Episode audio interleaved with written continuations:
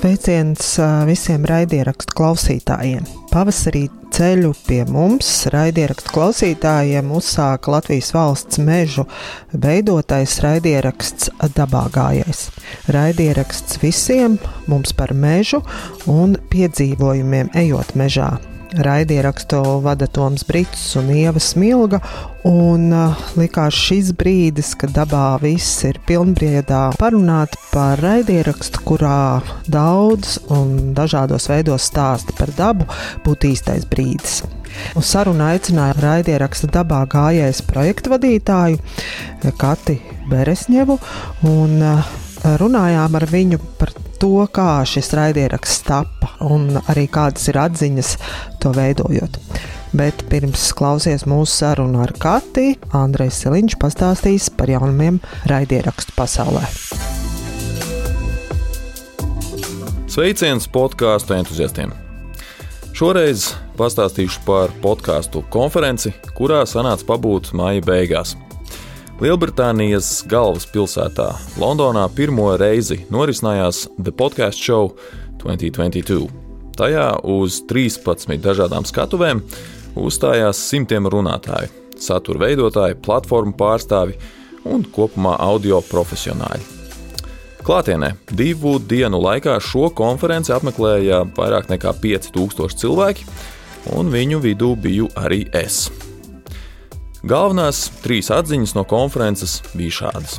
Pirmkārt, saturs ir karalis. Lai cik ģeniāls būtu mārketinga plāns, lojālā auditorija tavam podkāstam veidosies tikai tad, ja būs tiešām kvalitatīvs saturs. Otrais - podkāstu nākotne ir multimediālā formātā. Konferencē izskanēja skaļš apgalvojums, ka piecu gadu laikā visi podkāsti būs pieejami video formātā. Nu, un trešais, Gen Z, jeb par Z paudzi dēvētie jaunieši, vēlas justies piederīgi saturam, tāpēc ir ļoti svarīgi veidot kopienu, jeb komūnu ap savu podkāstu. Par pirmo no šīm atziņām daudz plašāk stāstāmā nav. Tas, ka saturs ir karalis, ir mūža sena žurnālistikas patiesība, ko māca skolās un par ko Ālaša pārliecinās praksē. Konferencē varēja tikai vēlreiz pārliecināties, ka arī tādā mēdīņu kategorijā kā podkāsti tas ir izšķirošs, lai izveidotu veiksmīgu produktu. Savukārt, video formāta lielā nozīme jau šobrīd un vēl izteiktāk nākotnē ir tas, par ko daudzi runāja un nojauta, bet tagad arī nonāca pie kopīgas pārliecības, ka tas tiešām tā arī būs. Jau šobrīd četros lielajos tirgos video platforma YouTube ir starp top 4 vietām, kur cilvēki patērē podkāstus. 21. gada Reuters institūta veiktajā pētījumā Digital News Report ASV un Austrālijā YouTube bija populārākā podkāstu patērēšanas vietne. Vācijā tā bija numur divi, bet Lielbritānijā ceturtā. Latvijas radio pērn veiktajā nacionāli reprezentatīvajā aptaujā YouTube bija pārliecinoši pirmajā vietā Latvijā. Jā, var teikt, ka cilvēki neizprot, kas ir podkāsts pēc definīcijas, taču tas, kā patērētājs uztver terminus, ir jāņem vērā, jo klausītājs nosaka to, kur vēlas patērēt saturu un kādā formātā.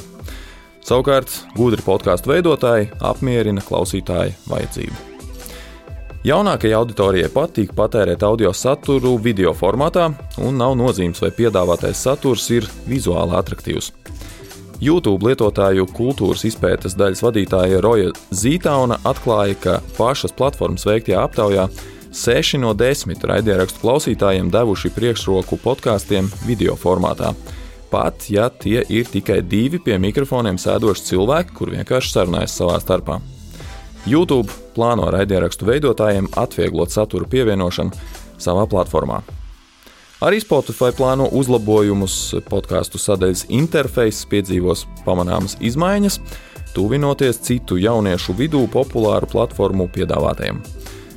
Audio satura futurologs James Skridlants uzsvēra, ka podkāstu nākotne būs multimediāla, gan izmantoto platformu, gan saturisko žānru ziņā. Britu speciālists mudināja nevis konkurēt citam ar citu, bet visiem kopā būvēt podkāstu industriju. Par Gen Z, jeb Z paudzes dēvē jauniešus, kas dzimuši 1997. gadā vai vēlāk, un tie jau veido daļu no podkāstu satura patērētājiem.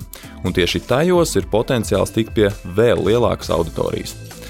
Lai uzrunātu šīs paudzes cilvēkus, pats podkāsts ir tikai pamats, uz kā būvēt auditoriju. Kopienu, kas kļūst par dedzīgiem kāda raidieraksta patērētājiem. Kopiena tie ir cilvēki, kuri ne tikai klausās, bet arī organiski dalās, iesaka un dzīvo līdz podkāstam. Resonate Recordings pārstāvis Izabelas Maksijas sesijā ekrānu rotāja zīmīgi vārdi: Zepa audze nevēlas pirkt tavu zīmolu, viņi vēlas tam pievienoties. Un arī Latvijā ir labi piemēri, kad podkāstu izveidojuši spēcīgu komunu. Pa pāris kausiem, eitanāzija, vīza vaļā un citi. Bet no ārvalstu piemēriem var izcelt Jerēna Thomas Cycling Club, Joe Mardell Show un Go Love Yourself. Šīs bija trīs galvenās atziņas no podkāstu konferences Londonā The Podcast Show 2022. Tiekamies nākamreiz! Man prieks vasaras sākumā raidnīcā parunāt par raidierakstu, kas aicina un mudina mūs izdoties dabā. Un, nu, protams, tāds ir raidieraksts dabā gājējs, jau nosaukums vien par to liecina. Un, uh, lai uzzinātu vairāk par uh, šī raidieraksta tapšanu, ideju, kā top, esmu aicinājusi uz sarunu Kati Beresņevu. Latvijas valsts mēžu raidierakstā dabā gājējs projekta vadītāja. Un um, iemesls sarunai, es domāju, tā kā raidieraksts ir pavisam jauns, uh, būtu interesanti uzzināt uh, gan tā tapšanu, gan kā jūs izdomājāt veidot šo raidierakstu.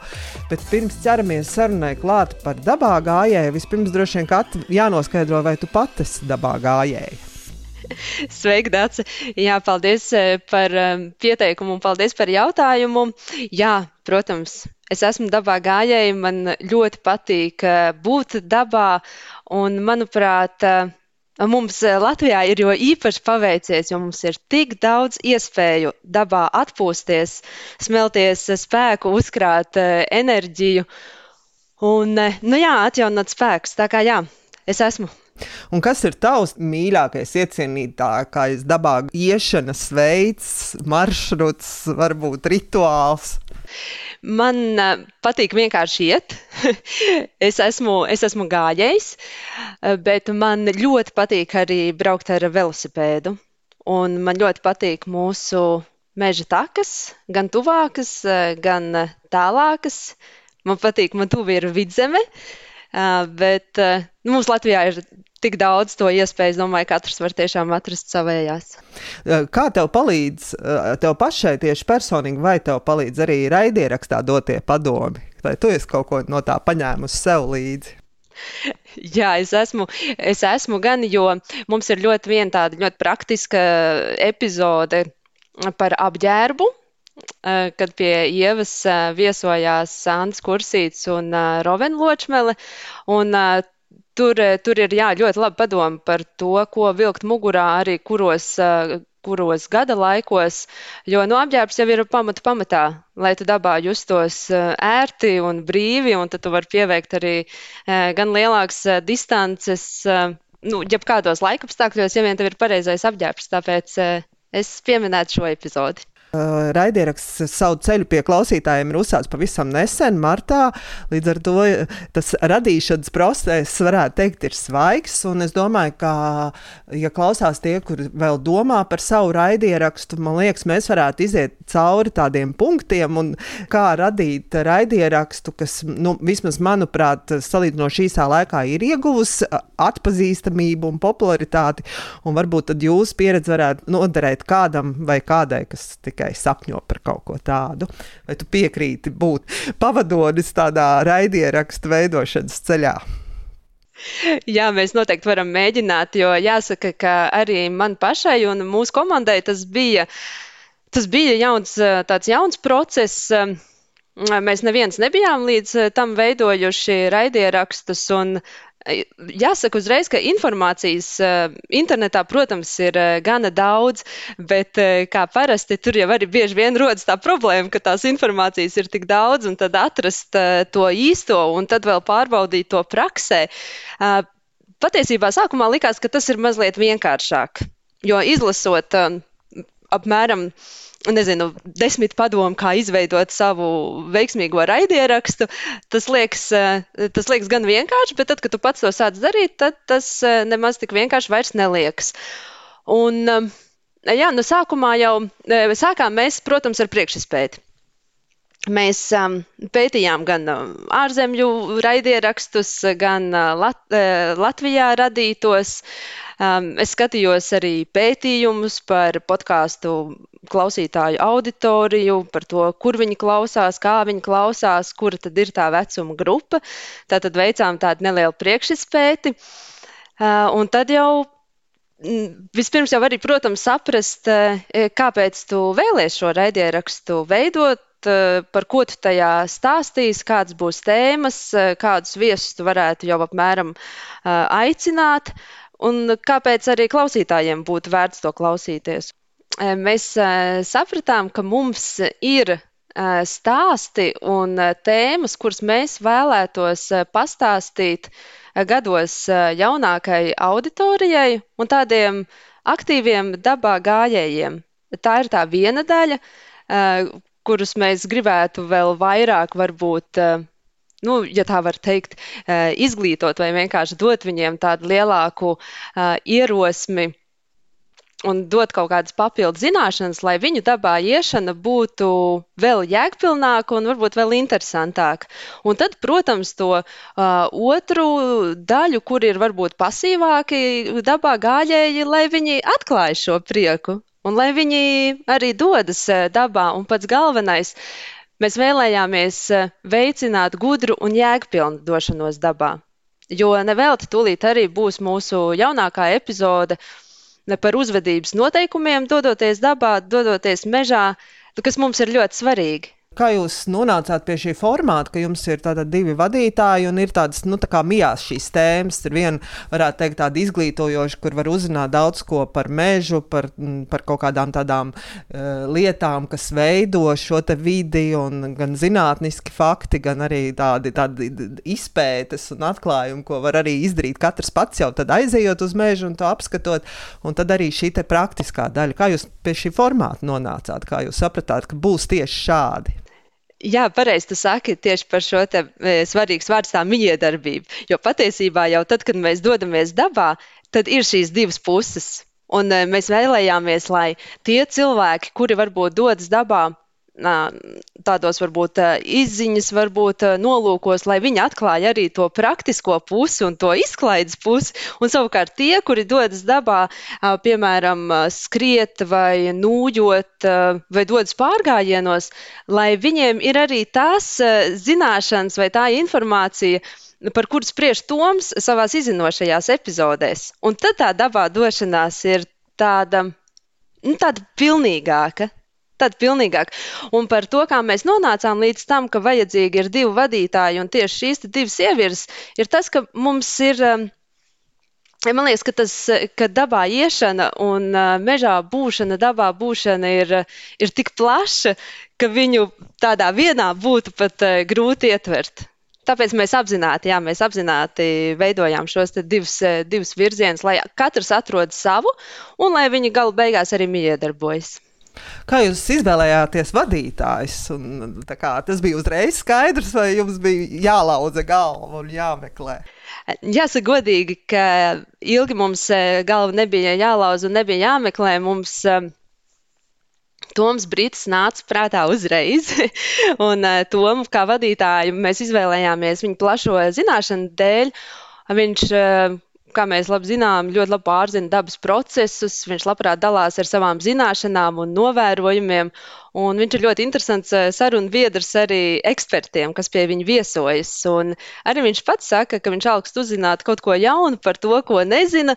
Un tas, manuprāt, ir arī viens no iemesliem, lai saruna vestos labi un būtu interesanti klausītājiem. Tur veidojas tāda ļoti laba sinerģija. Tā kā eh, jā, Toms mums ienāca prātā uzreiz. Uh, Un savukārt Ieva Smilga, mm, e, kura savulaik veidoja aktīvu dzīvesveidu un piedzīvojumu žurnālu Ej, ļoti labi pārzina gan aktīvu dzīvesveida tematiku, gan arī zina tos īstenos dabā gājējus, kur var dalīties savā pieredzē un dot arī vērtīgus padomus klausītājiem.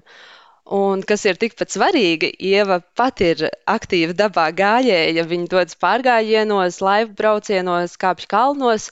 Un, nu, viņai vienmēr ir kāds uh, labs jautājums, ko pajautāt. Tā kā pie Ievas mēs arī nonācām, es teiktu, ka diezgan ātri. Vai jums šie jūsu izvēlētie vadītāji bija kaut kā jāpierunā, vai jāstāsta, kas ir raidieraksts, un jāstāsta, ka tas būs ļoti forši, ļoti labi? Nē, viņi zināja. Viņi zināja, jāpierunā, viņi nebija ilgi. Ja es, ja es varu runāt viņu vietā, atceroties to, kā mums gāja, tad es teiktu, ka viņi to uztvēra arī kā zināmu izaicinājumu, jo tā bija arī viņiem pirmā pieredze raidierakstu vadītāja amplitūnā.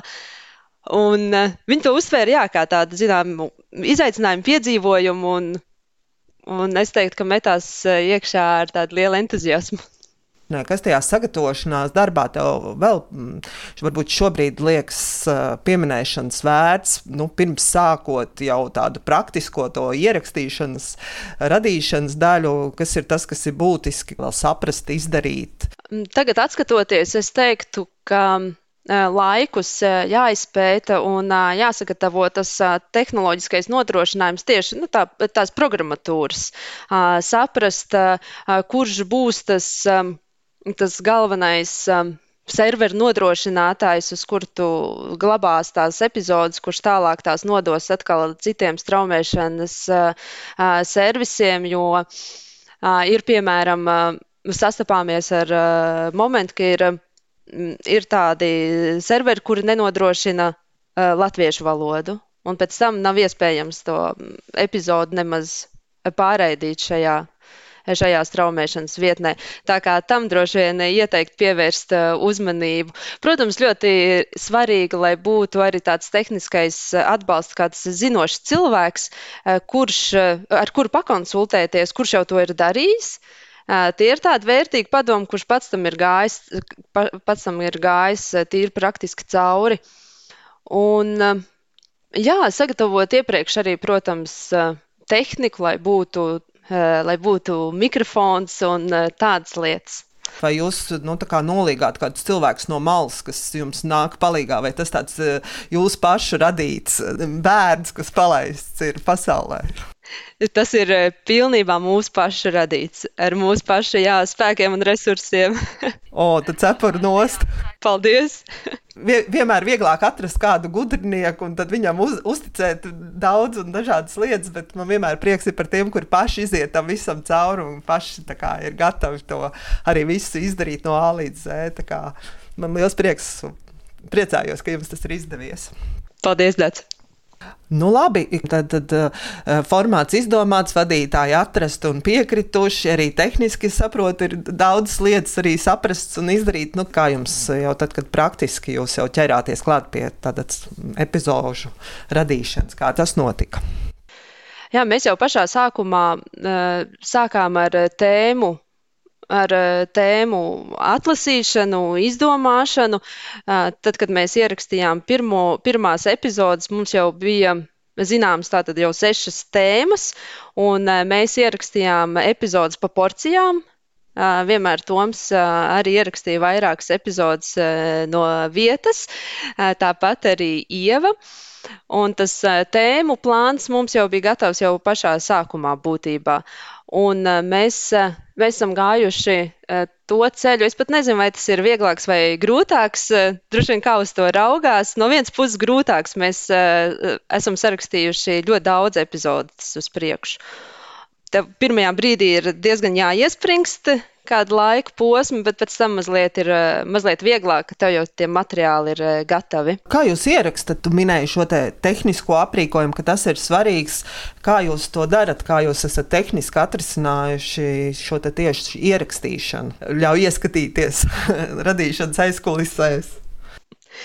Mēs, mēs ierakstām uz vietas Latvijas valsts mežu birojām. Uh, mēs atradām tam piemērotāko telpu, respektīvi gaiteņa pašā galā nelielu, nelielu tādu kabinetu, kurš netiek tik bieži izmantots, un nedaudz to pielāgojām mūsu vajadzībām. Mums bija būtiski tātad, lai nebūtu skaņa, lai nestaigā cilvēki garām, vai lai nevirina varbūt durvis.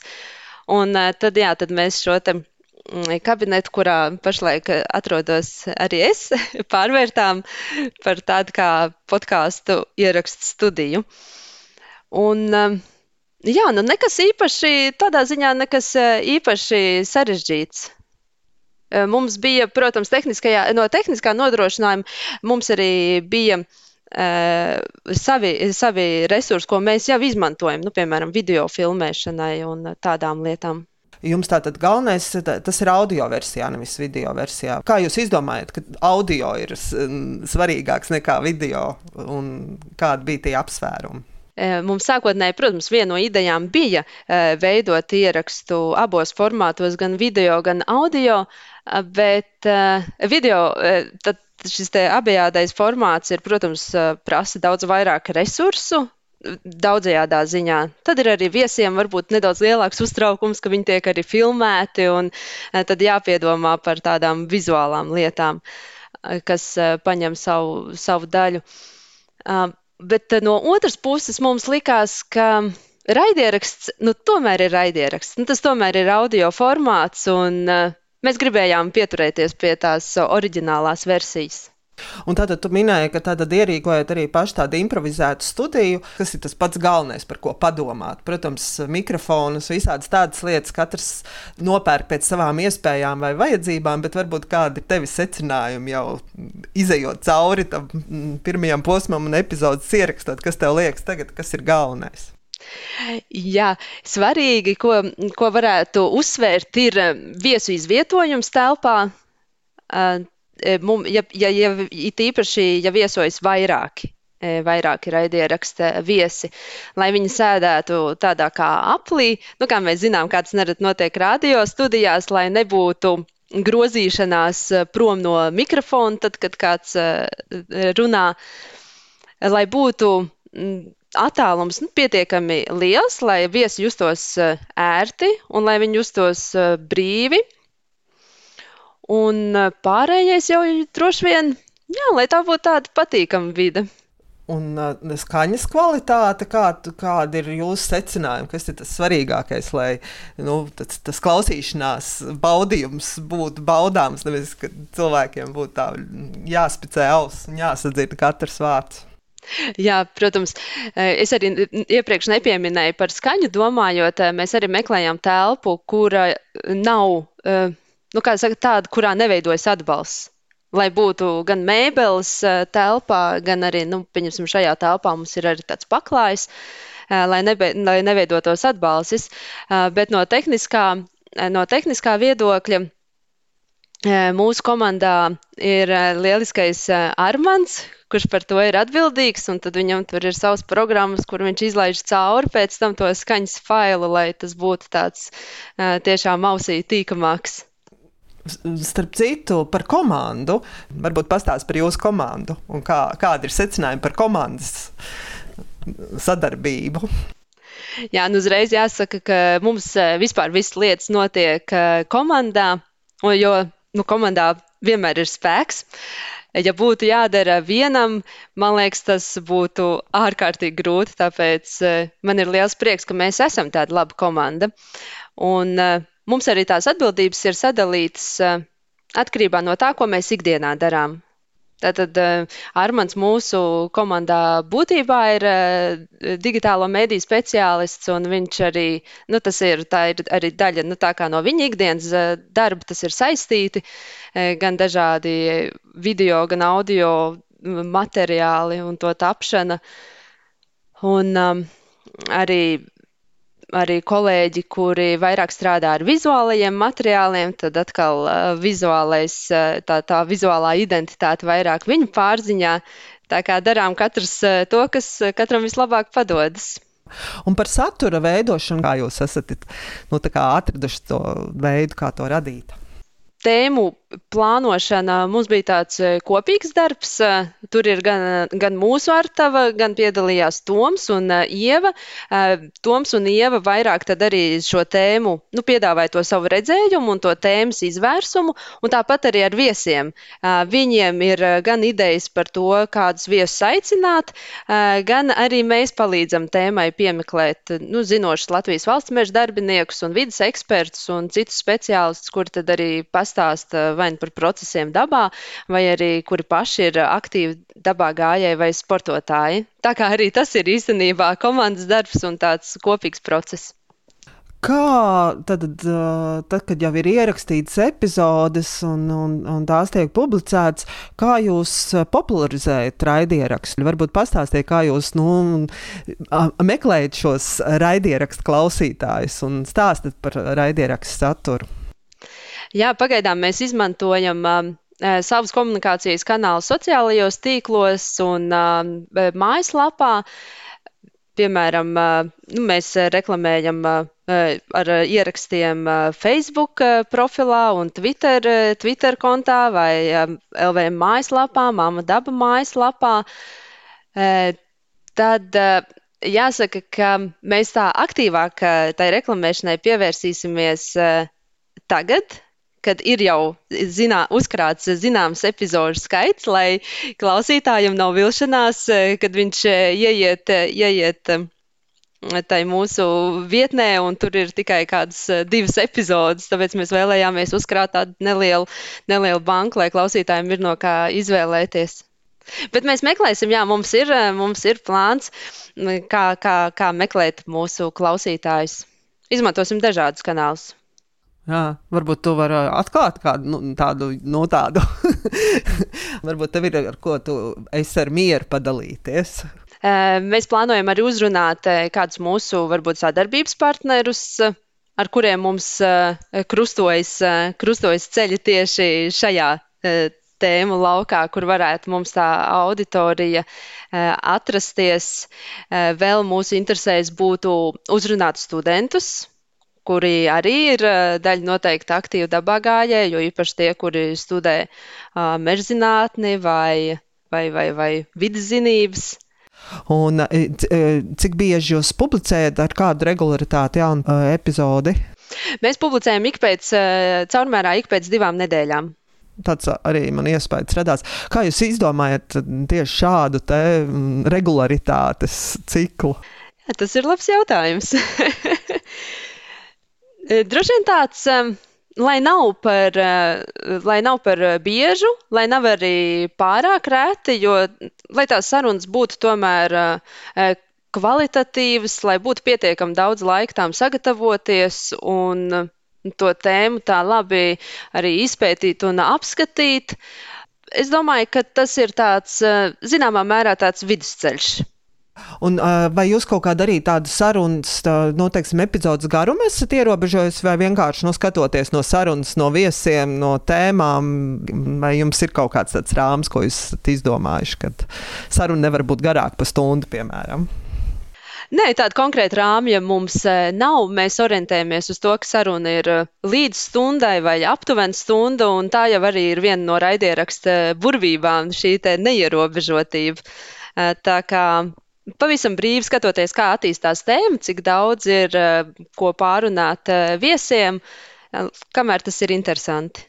Raidieraksts sāk skanēt martā, tad, tad ir um, marts, aprīlis, maijs, tagad jā, ceturtais mēnesis.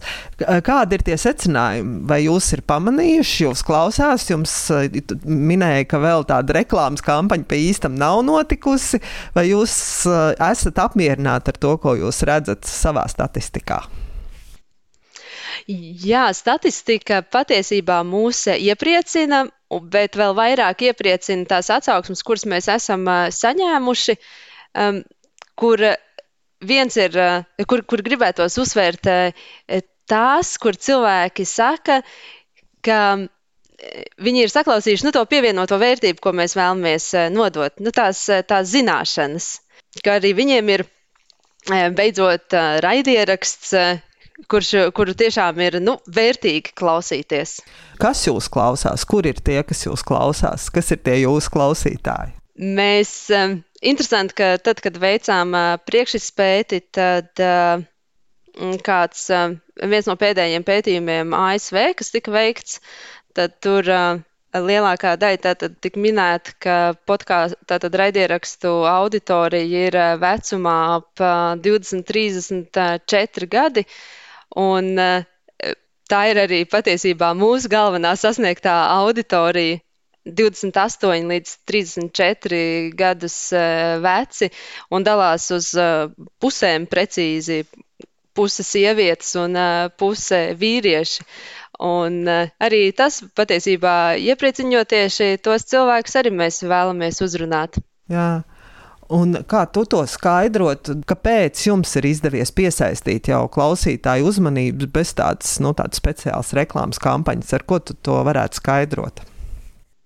Es domāju, no vienas, no vienas puses tā, tie noteikti ir cilvēku paradumi ne tikai klausīties raidierakstus, bet arī doties dabā.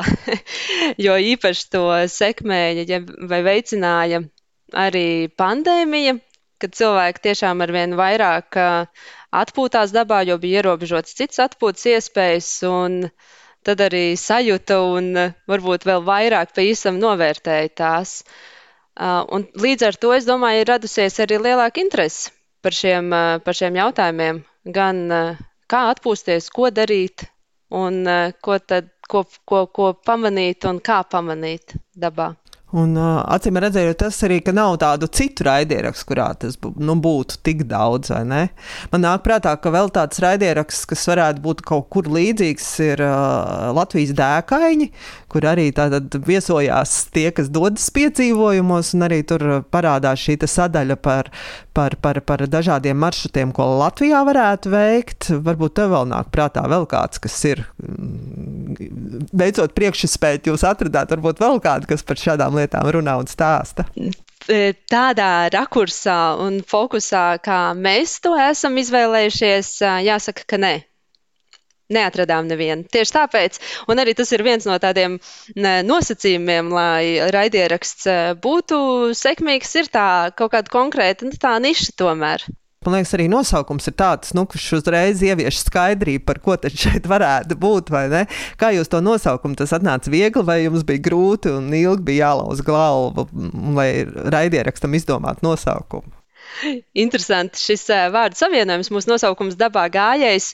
Uh, viņš ienāca uh, sākotnēji prātā pilnīgi nejauši. Mēs viņu ielikām vienkārši kā, kā, kā versiju. Un, Tad mēs domājam, ka vajadzētu padomāt vēl kādu variantu. Domājām, domājām, bet neko labāk nevarējām izdomāt. Un tā mēs palikām pie šīs sākotnējās versijas. Es domāju, ka nosaukumam ir liela nozīme. Tas tāpat kā vai tas būtu, piemēram, rakstīts materiāls kādam rakstam, arī tam ir nosaukumam, arī tam nosaukumam ir nozīme vai kādam produktam. Lai tas, eh, pasa, lai tas pateiktu to, to būtību, tā kā tu jau iepriekš eh, teici, klausītājiem uzreiz ir skaidrs, par ko tur varētu būt. Un eh, lai viņš labi skan, lai būtu tāds labskanīgs un prātā arī paliekošs. Sarunas sākumā minēja, ka veicot šo izpēti un teorētiski iepazīstoties ar to, kā veidot raidierakstu, eh, no tā praktiskā sadaļa atšķīrās un bija citādāk, un bija nu, arī tādas grūtības, kas bija jāpārvar. Varbūt tagad, eh, nu, kā, eh, atceroties to pieredzi pirms un pēc, varbūt kas ir tie tavi tie secinājumi, ko tu varētu nu, padalīties arī ar tiem, kuri nu, vēl joprojām domā par raidierakstu veidošanu. Jā, nu vispirms laikam jāiesaka rēķināties ar lielāku, ilgāku laiku nekā sākot sākotnēji varbūt eh, eh, varētu šķist, ka šim procesam būs vajadzīgs, jo tas prasa laiku. Tieši tā, tieši tā izpēta un tā praktiskā, tā praktiskā ieviešana, visās straumēšanas servisi un visi tie jautājumi. Tas prasa zinām laiku, lai tajā lai tajā uzreiz tā eh, norentētos un eh, saprastu, ko un kā, eh, ko un kā labāk darīt. Ja likās, ka tas paņems, nu, piemēram, divas nedēļas, tad rezultātā tas var paņemt, nezinu, sešas nedēļas, jau divus mēnešus, kamēr tā smuki visu saliec, lai tas aiziet un strādā. Jā, droši vien, jo sākumā, tā kā es arī minēju, ka tas liekas varbūt samērā vienkārši un arī internetā atrodamā informācija, nu, to tā pozicionē, ka tas ir tā ļoti vienkārši, bet tieši tās, tās tehniskās lietas, es teiktu, tieši tas, tas programmatūras, viss tas straumēšanas jautājums nezinu, to, to, to klausītājas biogrāfiju, vai tu raidierakstu sāk klausīties, tad, kad radās ideja, ka jāveido raidieraksts, vai klausījies līdz, līdz tam? Es raidierakstu klausījos jau pirms tam, bet netik, nemaz netik sen. Kādus varbūt nu, kādu pusotru gadu pirms tam. Tā kā jā, man tā vēsture nav tik sena. Jā. Un kā tev ir klausīties raidierakstu tagad, kad tu jau zini, kā top raidierakstu? Jā, protams, ka uzreiz tā ir cilvēcīgi. Tu vienkārši skaties, tu klausies ar citām ausīm un domā, tā, kā viņš interesanto ekspertu ir sarunājis, kāpēc viņš ir izvēlējies tieši šo runātāju. Un interesanti, kā izskatās viņu studija, kāds ir tas viņu tās tehniskās lietas. Interesanti, kā viņi izdomāja šo tēmu. Un, Nu, tādas visas šīs praktiskās lietas, ar kurām tu ikdienā veidojot savu raidierakstu, par kurām tu domā, tu attiecīgi pēc tam arī domā, kā citi cilvēki to dara un īsteno. Kurš raidieraksts, varbūt no tiem, kas Latvijā top, tev pašai ir interesanti un gribētu uzzināt, kā tas notiek un kā tas tiek ierakstīts, un varbūt pēnot, vai tev ir kāds tāds raidieraksts, kas tev interesē tieši no tādas tapšanas viedokļa? Jā, man viens no maniem mīļākajiem, ja nevis mīļākais raidieraksts ir pieturzīmes. Uh, Man ļoti patīk šī tematika. Un tas būtu laikam tas, kur būtu interesanti, par ko būtu interesanti uzzināt vairāk. Jā, es domāju, ka Aigai nebūtu iebildumu, ka tu ar tevi satikties un to visu arī parādīt. Noteikti, jā. Uh, varbūt vēl pastāst, ko tev patīk klausīties, ka tas nav jādara darba dēļ. jā, nu manuprāt, manuprāt raidieraksti ir nu, kaut kas viņos ir tāds ļoti īpašs. Un no vienas puses, man liekas, ka tas ir lielisks veids, kā viegli un tāpat uh, nemanāmi iegūt jaunas zināšanas. Un tad es klausos raidierakstus tādus par tēmām, kas mani interesē, piemēram, veselīgs uzturs vai aktīvs, aktīvs dzīvesveids, kaut kas ar, ar veselības jautājumiem saistīts. Man patīk um, Kristīnas uh, Podvinskas, uzturs ar Kristīnu Podvinsku uh, par uzturu jautājumiem. Tad, um, jā, kas ar veselības uh, lietām ir saistīti. Man patīk arī jaunais podkāsts, parunāsim, ne, runājam par skriešanu kopā ar Tomu Grēviņu. Un tādas lietas, kur, eh, kur it kā ir nu, tādā tiešām tādā raidierakstam raksturīgajā, vieglajā veidā var kaut ko iegūt, iegūt eh, jaunu. Un, un uh, pie kuriem tu varētu pieskaitīt, pie, varētu teikt, tāds konservatīvais klausītājs, kurš atrod tas, kas patīk, un tad arī pie tā pieturās, vai tev nu, interesē, un tu meklē kaut kādas jaunas lietas, un kaut ko mēģini jaunu atrast, ko klausīties jāatzīst, ka es būšu laikam konservatīvais, konservatīvais tips, bet tas neizslēdz, neizslēdz protams, arī jaunas. Jaunas iespējas, jaunas eh, raidierakstus. Un atkal atcaucoties uz to pašu Amerikā, gan veiktajā pētījumā, bet redz, ka tās atšķirības nav nemaz tik lielas. Tur arī tika secināts, ka lielākā daļa raidierakstu klausītāji ir lojāli un klausās caurmērā trīs raidierakstus, bet regulāri. Nu, tos, kurus, tos, kuru viņi tiešām pavisam regulāri klausās, tie ir vidēji trīs. Es varētu piekrist, jā, un tad ir ik pa laikam kaut ko paskatās, kas ir notiek citur, bet atkal atgriežas pie tiem dažiem, kas ir tie paši mīļākie. Jā. Un es ļoti novēlu dabā gājējiem, ka jūs tajā trīniekā būtu pēc iespējas vairāk klausītājiem, kad jūs būtu nevis tas raidieraksts, ko tur ik pa laikam intereses pēc, bet nu, tie, kas ir atklājuši, tad arī to likt tajā savā top 3 un ar nepacietību gaidīt to jauno epizodi. Paldies, paldies Dāce! Mums ir pūra kurā tik ļoti daudz interesantu tēmu dabā gājējiem aktuālu, ka es domāju, tas izdosies.